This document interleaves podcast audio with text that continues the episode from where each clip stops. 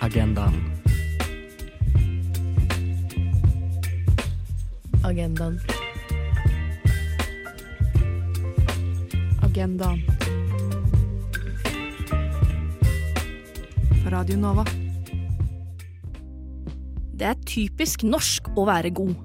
Og det er typisk skeivt å være praktisk. Om du teller karabinkroker i beltespennene på Elsker en helt vanlig fredagskveld, så kan det i hvert fall virke sånn. Denne lille saken har for mange blitt en selvfølge i deres skeive garderobe. Men hvorfor har denne enkle kroken blitt en sånn hjertevarmende forbindelse for skeive mennesker? Heng deg på dagens episode av Agendaen, hvor jeg, Melinda, skal fortelle deg om en liten, men kraftfull gjenstand som har utviklet seg til et sterkt symbol for frihet, styrke og fellesskap. Ok da, det er ikke sikkert jeg kan gi deg et helt tydelig svar. Men jeg kan gi deg noen teorier som kanskje alle på sin måte har bidratt til karabinkrokens inntog i den skeive verden.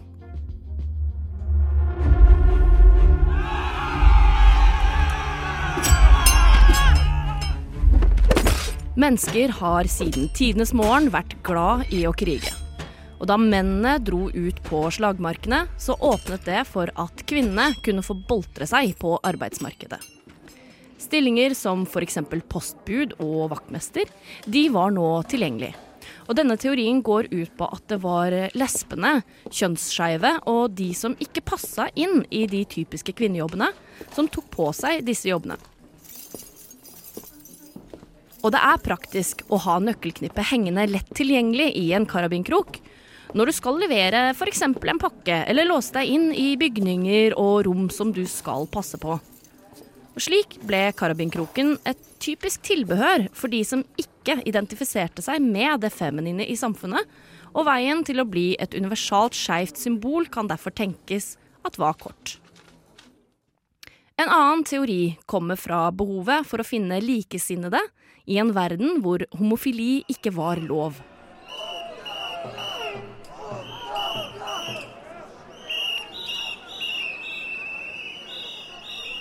På 1970- og 1980-tallet, i perioden med økende kamp for skeive rettigheter, ble karabinkroken tatt i bruk som et skjult symbol av skeive personer.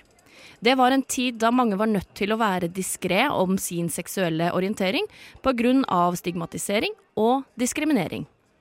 Sammen med hanky code, disse lommetørklærne som ble brukt for å symbolisere skeivhet, da hovedsakelig for menn, ble det å bære en karabinkrok en måte å signalisere solidaritet med det skeive fellesskapet uten å være åpenlyst identifiserbar.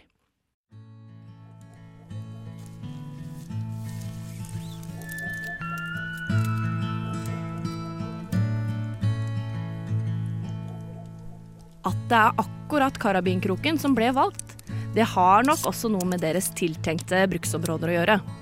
Karabinkroker er vanlig innen friluftsliv, camping og selvfølgelig klatring.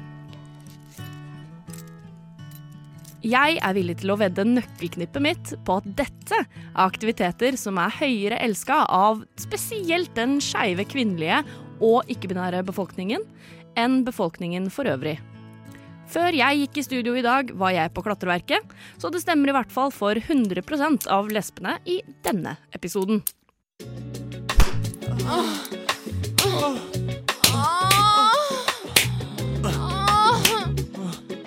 Den kanskje mest sexy teorien er at det er kink- og BDSM-miljøet som er opphavet til karabinkrokets inntog i den skeive verden. Og her er det kun fantasien som setter grenser for hva kroken har blitt og kanskje fortsatt blir brukt til.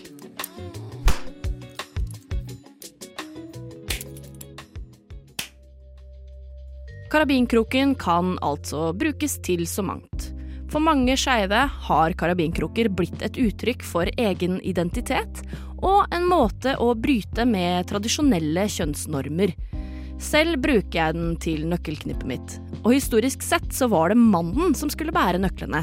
Og er det én tradisjonell kjønnsnorm som jeg kjenner det koster meg null kalorier å ta avstand fra, så er det akkurat den der.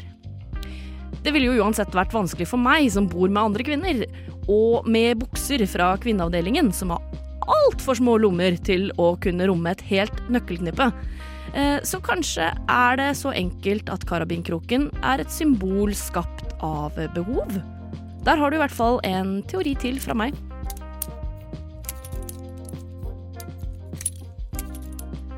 Vi kan kanskje ikke slå fast akkurat hva det er som gjør at karabinkroken har blitt det skeive symbolet det nå er. Men det vi vet sikkert, er at det er et velkjent fenomen som er utbredt over store deler av verden. Over tid har karabinkroken fått dypere symbolikk enn bare en nøkkelholder. Den representerer frihet, styrke og samhold blant skeive, og spesielt da blant skeive kvinner og ikke-binære. Den lille kroken handler om å være synlig og stolt, og samtidig omfavne individualiteten.